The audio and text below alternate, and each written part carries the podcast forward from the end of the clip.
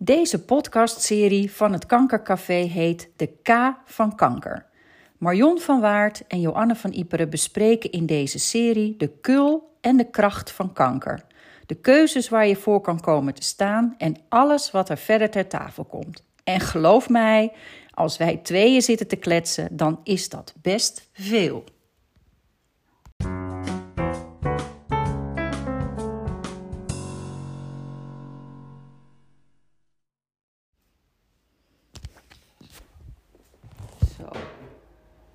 Goeiedag, lieve luisteraars. Daar zijn we weer met een volgende aflevering van de podcastserie De K van Kanker.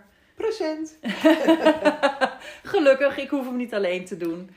Ehm, we hebben natuurlijk altijd van tevoren samen hebben we even een gesprek. Waar gaan we het vandaag over hebben? Wat vinden we belangrijk? Wat zijn wij tegengekomen in onze eigen socials of in ons eigen leven?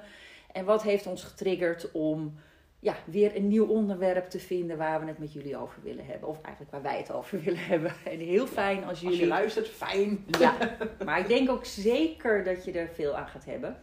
En ik hoop ook al aan de vorige gehad hebt. Ehm, Nou ja, als ik zo hier en daar reacties eh, lees en terughoor, dan hoor ik wel hele positieve dingen. ja, Mensen heel blij zijn met wat we zeggen, of dat het indruk gemaakt heeft, of dat het aan het denken heeft gezet. Ja. Nou, ik, ik ben daar wel heel blij mee. nee, dat was Dan heeft ook- in ieder geval, dient het ons doel, toch? Ja, precies. Het bespreekbaar Ja. maken van allerlei onderwerpen en, en ook moeilijke zaken. En ehm, Ja, je hoeft ze niet uit de weg te gaan. Hè? dat was ons doel, hè? Ja, dat dat we het echt allemaal bespreekbaar maken. En dat we het niet meer hebben over K, Maar gewoon over beetje bij zijn naampje noemen. Juist. Kanker. Dat is kanker. Ja. Precies, precies. Dus laten we vooral die rare lading eraf halen. Ja. En dat lijkt te lukken. Ja, leuk hè? Fijn, hè? Ja. Ja, daar ben ik wel heel blij Het is onze missie geworden. Nou, weet je wel. Ja. Ehm, we hebben al een keer een, een, een podcast gemaakt over coping en controle. Ja. Voor diegenen die het niet geluisterd hebben, ik weet even niet meer welke aflevering, maar de titel zegt volgens mij coping en controle. Kun je natuurlijk terugvinden op eh, Spotify en Apple Podcasts. Ehm, Of op de website En van kankercafé.nl. ja, website kankercafé.nl staan ze ook allemaal. Ik zet ze er altijd op. Dus daar kan je ook ze allemaal terugluisteren. Ehm, maar controle en ehm, eh, eh, hoe ga je daarmee om? Dat kwam eigenlijk weer een beetje naar voren. En vooral ook het verlies van controle. Ik ben het boek van Gabor Maté aan het lezen. Nou, sowieso is dat een zeer inspirerende man. Als jullie denken, wie is dat?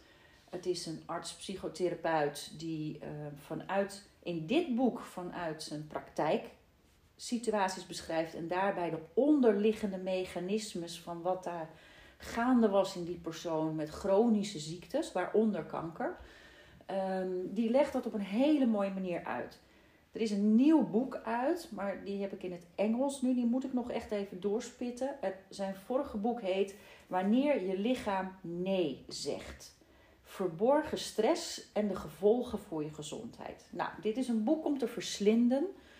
Ik heb En hier zes keer te herlezen. en zes keer te herlezen en in stukjes te lezen.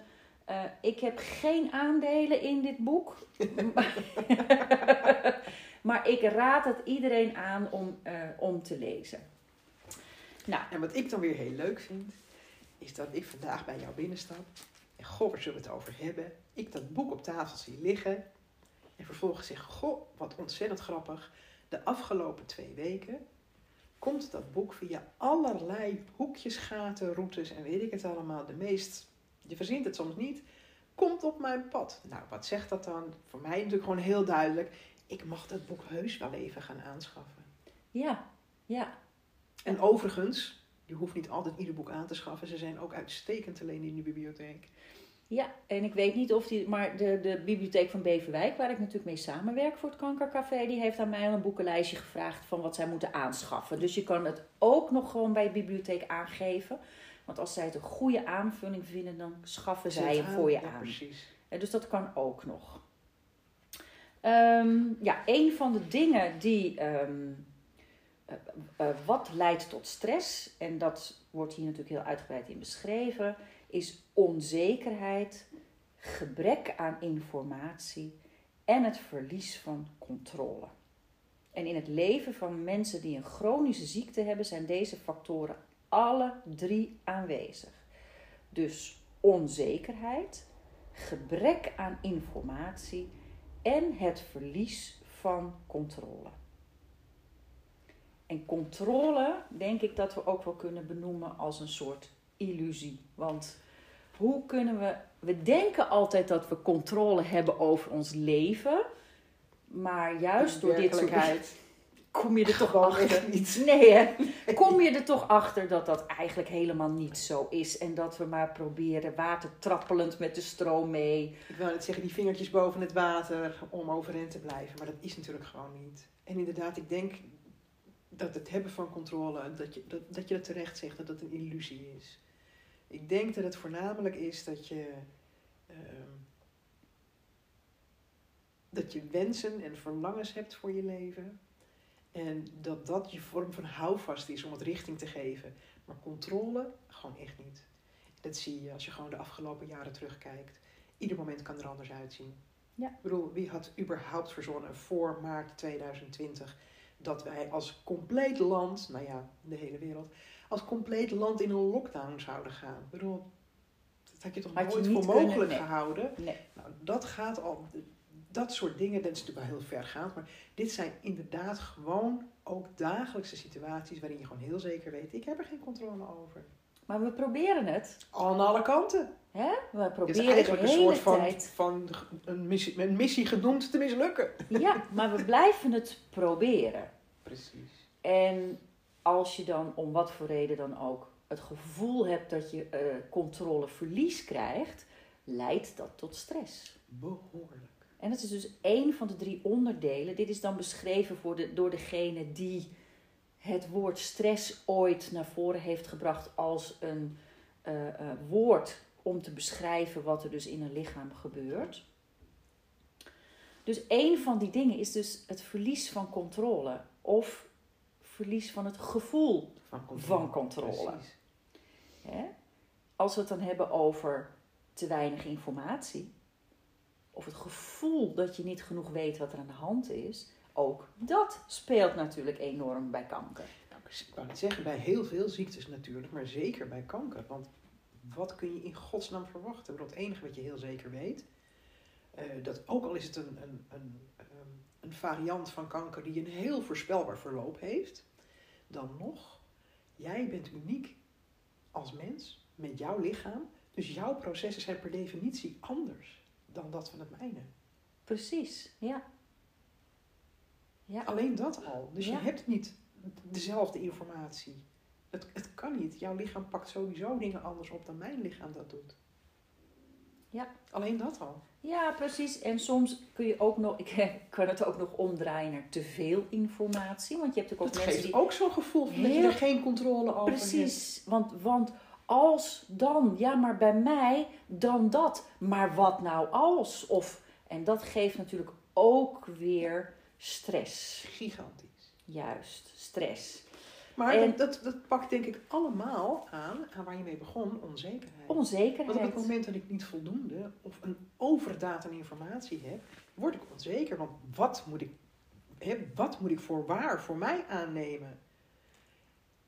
En dat geldt voor controleverlies net zo. Precies. Het levert alleen maar onzekerheid. Maar ik denk ook een van de meest, wat, wat hier in alle drie gewoon heel erg zit, onveiligheid.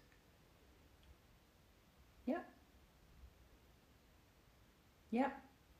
Dat misschien nog wel het allermeest. ja, maar wat ik dus, of niet, niet maar, maar wat, wat, wat, er- wat er, ehm, Wat ik gewoon echt Die van, alle, drie- alle drie samen geeft gewoon heel veel Ja, onveiligheid. precies. En die onveiligheid, die Die geeft levert de stress. heel veel reacties Ja. in je lichaam. En de acute stress, hè, ik, heb, ik ben in het kankercafé ben ik op dit soort dingen al heel diep op ingegaan tijdens een lezing. Maar de acute stress, die is goed. Hè? Dat Ja. is van, ik moet nu wegspringen Ja. voor die auto, want anders dan, gaat het zeer plat. Precies. Precies. Dat betekent dat er in, in, in heel veel systemen in je lichaam ga je aan. En, ehm, en dat is ook bij eh, verwondingen. Hè? Ja. Ik snij me, ik schaaf me, ik val, mijn knie doet zeer, wat dan ook. Je krijgt een stressrespons. Hè? Dus, dus jouw brein gaat zeggen: Oeh, dat doet zeer, ga er maar eens even niet op staan. Ziektegedrag. Ja. Hè? Maar dat is gezond ziektegedrag, want je moet herstellen. Precies. En dat duurt dan tussen de 24 uur en de 7 dagen. En dan is jouw hele systeem in principe weer als normaal. Dus de stress zo lang? kan als je, als je schade hebt, zeg maar. hè. Als Oh, jij natuurlijk wegspringt en er is niks aan de hand. Dan zou het veel sneller moeten kunnen. Precies, maar dan gaat je immuunsysteem gaat nog even checken wat er allemaal moet er iets gebeuren. Maar in Ja. principe, je adrenaline, je hartslag, je bloeddruk normaliseert Precies. heel snel. Ehm, als we het dan hebben over chronische stress, over een situatie die niet weggaat. En al, hè, we hebben gehoord, je hebt kanker. Die situatie gaat niet weg, daar moet je iets mee. Onzekerheid, informatiestress, want waar haal ik het vandaan? Welke informatie kan ik vertrouwen? Wie komt er allemaal op mijn pad? Hè? Verlies van controle. De titel van het boek. Mijn lichaam heeft nee gezegd. Die stopt ermee. Dit gaat niet goed. Die heeft me in de steek gelaten. Dat hoor ik natuurlijk ook wel eens op de praktijk. Ja. Dan kom je dus in de chronische stress. Dan ben je. Dat is vervelend, laat ik het zo. Dan gaan er nog een hele hoop andere processen in werking. Dan gaan er heel veel processen in werking. En dat zijn heel veel hormonale eh, eh, reacties. Ja. die jouw immuunsysteem continu aanzetten, hoog, eh, hoog tempo, waardoor eigenlijk die dus niet goed werkt. Want andere stofjes proberen hem weer te dempen. Nou ja, op het moment dat je, dat, je, dat je lichaam in een soort van overdrive gaat, een soort van, van overwerkt raakt door al die stressdingen, kan het natuurlijk andere processen die lager op de prioriteitenlijst staan, niet makkelijk meer uitvoeren. Nee, want er worden Gewoon niet. keuzes gemaakt. Precies. Het is niet meer alles, het is nee, het is een of dit paar dingen. of dat. precies. En de meest belangrijke worden uitgevoerd. Precies. Nou, om niet helemaal in te gaan op de werkelijke werking in je lichaam, wat er dan allemaal gebeurt. Maar in principe is het zo dat ehm, je genezing minder goed gaat. Van wonden bijvoorbeeld. Het is belangrijker dat je kunt vechten of vluchten dan dat er iets geneest. Precies. Ehm, je slaapt slechter, je kan minder ontspannen, bloeddruk kan omhoog gaan. En het leidt eigenlijk tot continu aanwezige, laaggradige ontstekingsreacties. Precies. Niet ontstekingen, maar ontstekingsreacties. En dat Je betekent, reageert op die manier. wat je al zegt, je staat altijd aan. Ja. Er is geen uit meer. En dat, als dat lang bestaat, dan hebben we het over na een paar maanden al, hè, niet jaren. Ik wou net zeggen, gaat veel dat sneller gaat hoor. heel snel. Ja. Dan gebeurt er ongelooflijk veel eh, in je lijf. En als wij dan even spreken over onze westelijke brein, ja, die pikt die signalen niet meer op. heel vaak niet. We zijn zo losgekoppeld van ons lichaam.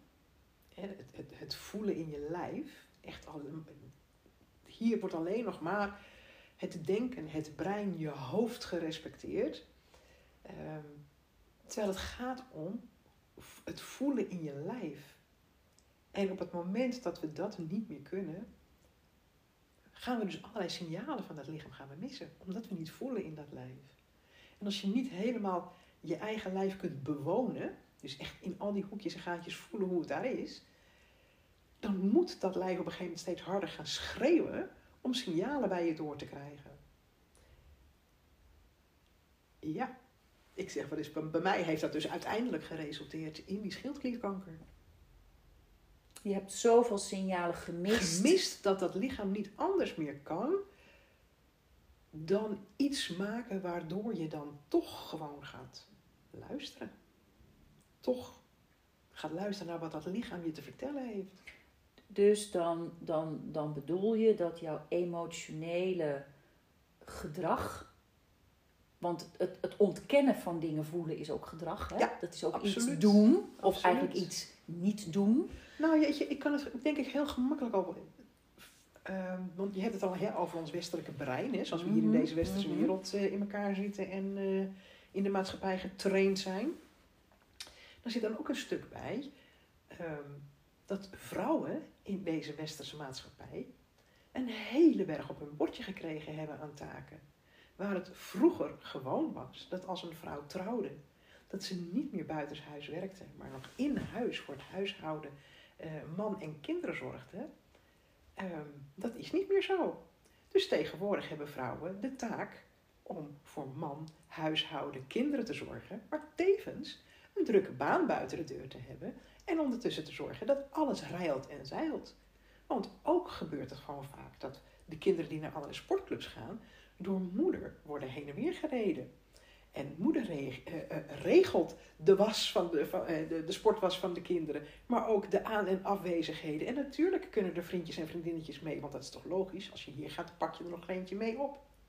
Het is veel en veel en veel drukker geworden, waarin allerlei dingen, wat ik al zeg, met hoofdzaken te maken heeft. Want het gaat over regelen, het gaat over dingen organiseren. En organiseren en regelen is niet in je lijf wonen. Is niet voelen wat er in je lijf gebeurt. Dus op het moment dat je druk bezig bent om allerlei schema's op te stellen, is er geen tijd meer om te luisteren naar wat het lichaam zegt. En Marion, wat ik dan, als ik mensen daarop aanspreek, vrouwen daarop aanspreek, dan hè, probeer ik te achterhalen, heb je door dat je doordendert? Heb je door dat je eigenlijk alleen voor anderen kiest? Heb je door dat je geen grenzen aangeeft? Of je in ieder geval over je eigen grenzen heen dondert? En eigenlijk is het antwoord 9 van de 10 keer ja, Maar- maar dus Als ik het niet doe, dan gebeurt het niet. Als ik, enzovoort. Dus Precies. En, en ehm, we blijven verre van de uitspraak: eh, kanker komt door je stress. Absoluut. Alleen, hè, want dat is dat echt is niet. niet wat we zeggen. Echt maar niet. ik denk dat een, een onderdeel van gezondheid is goed luisteren naar je lichaam, goed luisteren naar je emoties. Ehm, ehm, eh, eh, er worden verschillende eh, niveaus van, van emoties benoemd. Eén daarvan is bijvoorbeeld wat de ander van jou ziet. Je Ja. non-verbale communicaties, je toon, je maniertjes. Dat heb je zelf niet door. Maar als je een goede relatie hebt met een partner, met een zus, met een vriendin of wat ook, die terug kan koppelen wat ze ziet, zou dat een bewustwordingsmoment kunnen zijn. Maar op het moment dat die op dezelfde manier in het leven staan, "Huh, kom op en dan gaan we en niet zeuren hoor. Precies. Wat was het vroeger ook alweer? Niet lullen, maar poetsen? Zoiets, ja. Nou, vroeger, volgens mij wordt Nog nog steeds steeds. gigantisch gehanteerd. Precies. Maar ja, dat is wel vaak een, ehm, een aangeleerde manier om langs, ding, om langs dingen heen te leven. Ja. En Want laten niet we wel wezen. Ik hoef er niet bij stil te staan. Op het moment dat ik volop aan het poetsen ben. Ja, En dan ben ik zo druk dat ik niet hoef te zien waar ja. dingen in mij niet fijn zijn, niet Ja. fijn voelen, Ja. eh, Ja. waar ik me onrustig over maak of onge- ongerust over maak. Precies. Ja. En dan ga je klachten krijgen. Zeker weten. En dan denk je misschien al na lange tijd, hè, want hm, ga maar niet naar de huisarts, want oh jee. Dan komt de diagnose. Ja. Hmm, slecht nieuws, u heeft kanker. En alles wat je in die jaren daarvoor hebt geprobeerd, controle houden, noem het maar op, Is in één klap weg. Echt over, op en uit. Ja. Precies. En hoe groter voor de diagnose. We chargeren nu even voor het beeld. we dat doen. Maar het beeld, al- als je voor die diagnose eh, wereldkampioen was in controle houden, wereldkampioen was in een maakbaar leven. Hè? Want Ja. ik probeer alles zo te regelen dat het mij uitkomt. Dat zijn degenen die na de diagnose zo'n emotionele klapper krijgen. Want die verliezen op alle domeinen controle. Alles. Maar tegelijkertijd zijn dat ook degenen, als ik die heb in mijn coachingstrajecten, dat daar zo'n ongelofelijke groei kan plaatsvinden. Dat de kanker eigenlijk de katalysator is geweest tot veranderen, kijken naar het leven, dat dat degene zijn die zeggen: Ik wil helemaal niet meer de oude worden. Ik, ik ben een 2.0 Los van of je dat überhaupt zou kunnen worden. Maar goed. Ja, nee, oké, maar die dat dan zo diep gaan voelen van... Ik ben zo teruggeworpen op mijn basis, op mijzelf, op mijn ik. Daar moet ik mee aan de gang. Precies. En niet meer met anderen. En dat vind ik wel echt zo mooi om te zien. Maar waar we eigenlijk een, een, een advertentie voor maken nu is... Hoe mooi zou het zijn als je voor die diagnose van een dat je chronische al begint ziekte... te luisteren naar dat lichaam. Juist. Dat je daar al bent. Dat Juist. je weet hoe je reageert. Dat je herkent wat er in je lichaam gebeurt. Precies. Dat je echt oprecht kunt voelen van... Oh, ik eh, eh, krijg helemaal een, een vervelend, kriebelend gevoel in mijn buik... als ik eraan denk dat ik die even zou moeten bellen. Nou, dat is wel een heel mooi signaal van je lichaam, denk ik. Precies.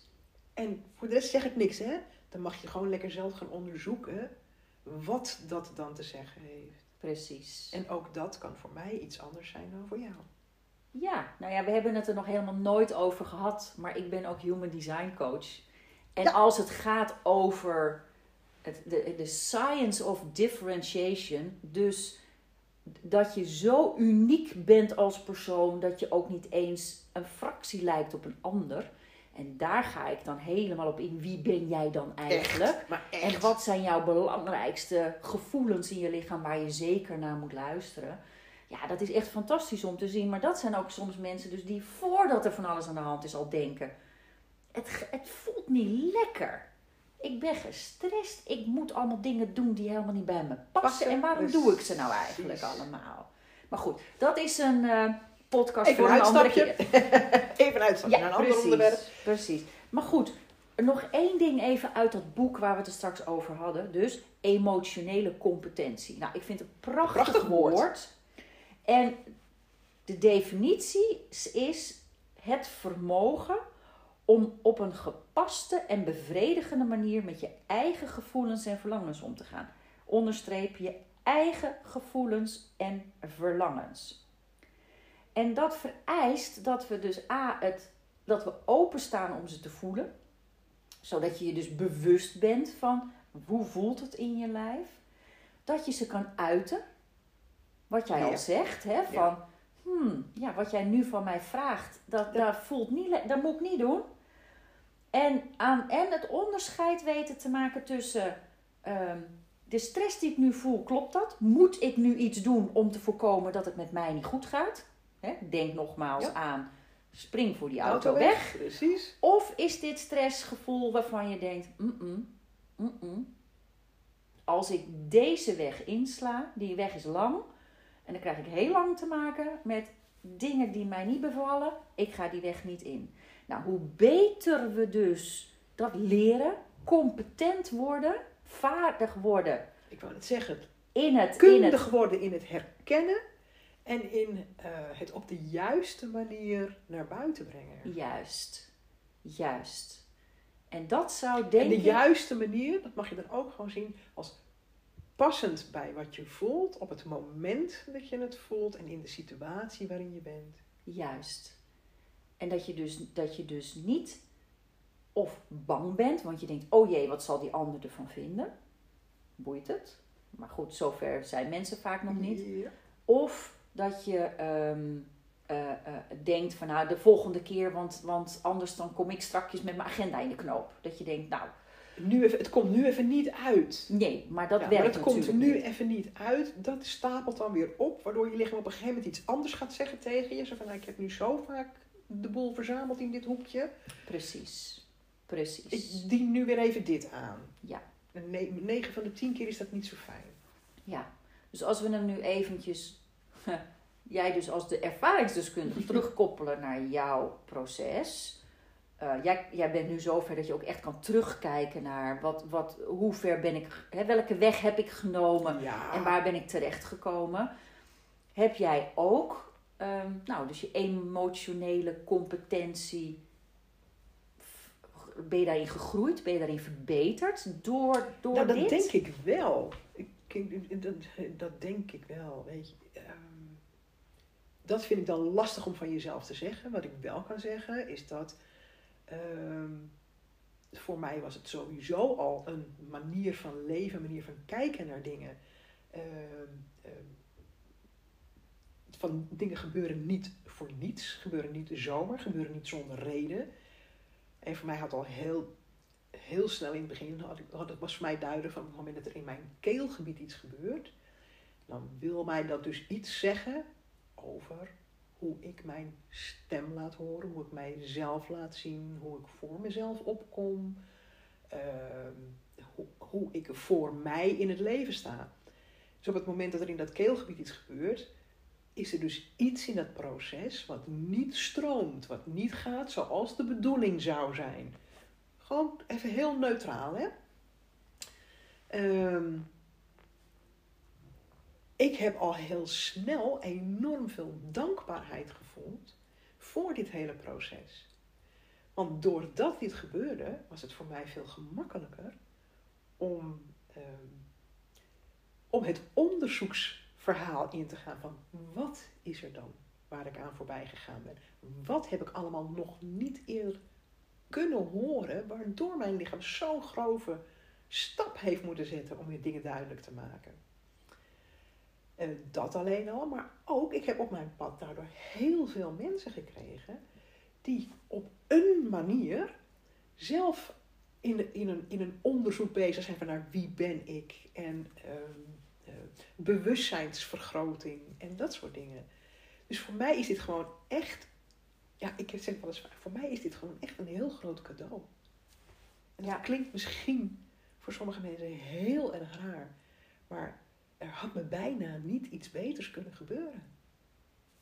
Om zo enorm te groeien. Ja, om zo. het is echt een enorme kans tot ontwikkelen, tot, tot, tot groei, tot eh, de diepte ingaan. En Ja. dat merk ik ook, dat daardoor ook mijn relaties met mensen enorm zijn veranderd. En zoveel rijker geworden zijn. Dat hou je niet Ja. voor mogelijk. Ja, ja. Nou, het grappige is dus dat ik heb eh, tussen haakjes nog en ik hoop ook het nooit eh, kanker gehad. Eh, maar ik werk natuurlijk dagelijks met Ja. kankerpatiënten.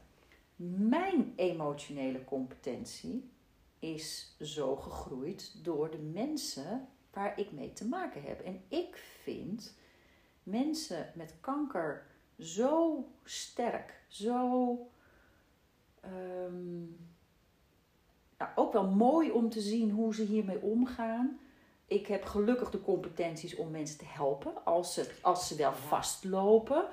Ehm, ik ga altijd een gesprek met ze aan natuurlijk. Maar in mijn dagelijks leven merk ik natuurlijk ook dat ik geconfronteerd word met, met mijn grenzen. Hè? ja, van, zeker weten. van, van hoe ga ik daar dan mee om? Of nou, dan sta ik in een en weer schreeuwend op de bank. Hè, even overdreven, maar dat je wel- en dat, dat juist door te werken met eh, mensen met kanker, ik als persoon enorm ben gegroeid. Echt enorm ben gegroeid. Wat natuurlijk in mijn dagelijks leven ook weer hartstikke fijn is. Ik wou net zeggen, wat natuurlijk gewoon een directe weerslag heeft op je patiënten net zo hard. ja, maar Want hoe fijn om bij iemand behandeld te worden en tegelijkertijd op al die andere fronten gezien te worden en ehm, eh, gesupport te worden, laat ik Ja, het zo zeggen. Ja, ja. Dus het mooie is dus dat jij als former eh, kankerpatiënt zegt: het was een cadeautje, het was een kans en die heb ik gegrepen. Ja. En ik aan de andere kant als behandelaar zeg: ik ben gegroeid, het is een kans, het zijn cadeautjes. Ik als persoon groei ook Ja, door kanker.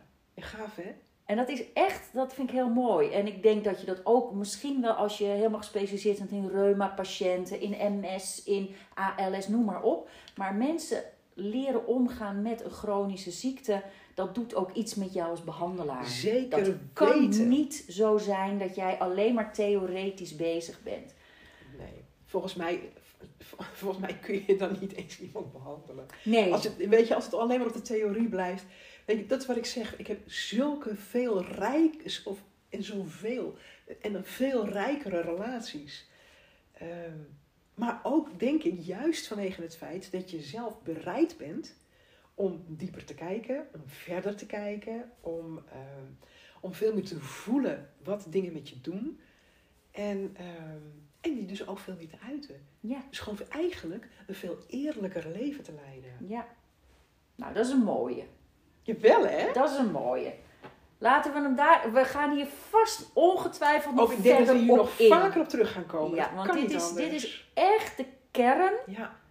Nou, meid, we hebben weer een De kern. kern van kanker. Laten we die ook even doen. Dus we zijn eigenlijk hierop gekomen eh, eh, door het boek Wanneer je lichaam nee zegt van Gabor Maté. Het is echt een aanrader. Zeker om ook je eigen denkproces hier eens op aan te zetten. Dus schroom niet. Als je het niet kunt betalen, ga naar je lokale bibliotheek. Als ze hem niet hebben, Vraag zeg dat ze, dat ze hem kopen. Dan Ja. kan je hem alsnog lezen. En ehm, nou, we hopen dat jullie het eh, ook interessant vonden. En misschien dus ook de hersentjes eh, aangaan. Of misschien iets minder aangaan. En meer Of gaan voelen. meer, of op zijn minst meer gaan luisteren Juist. naar het nee van je lichaam. Naar het nee van je lichaam, precies. En eh, nou, hopelijk tot de volgende keer. Tot de volgende. Dag!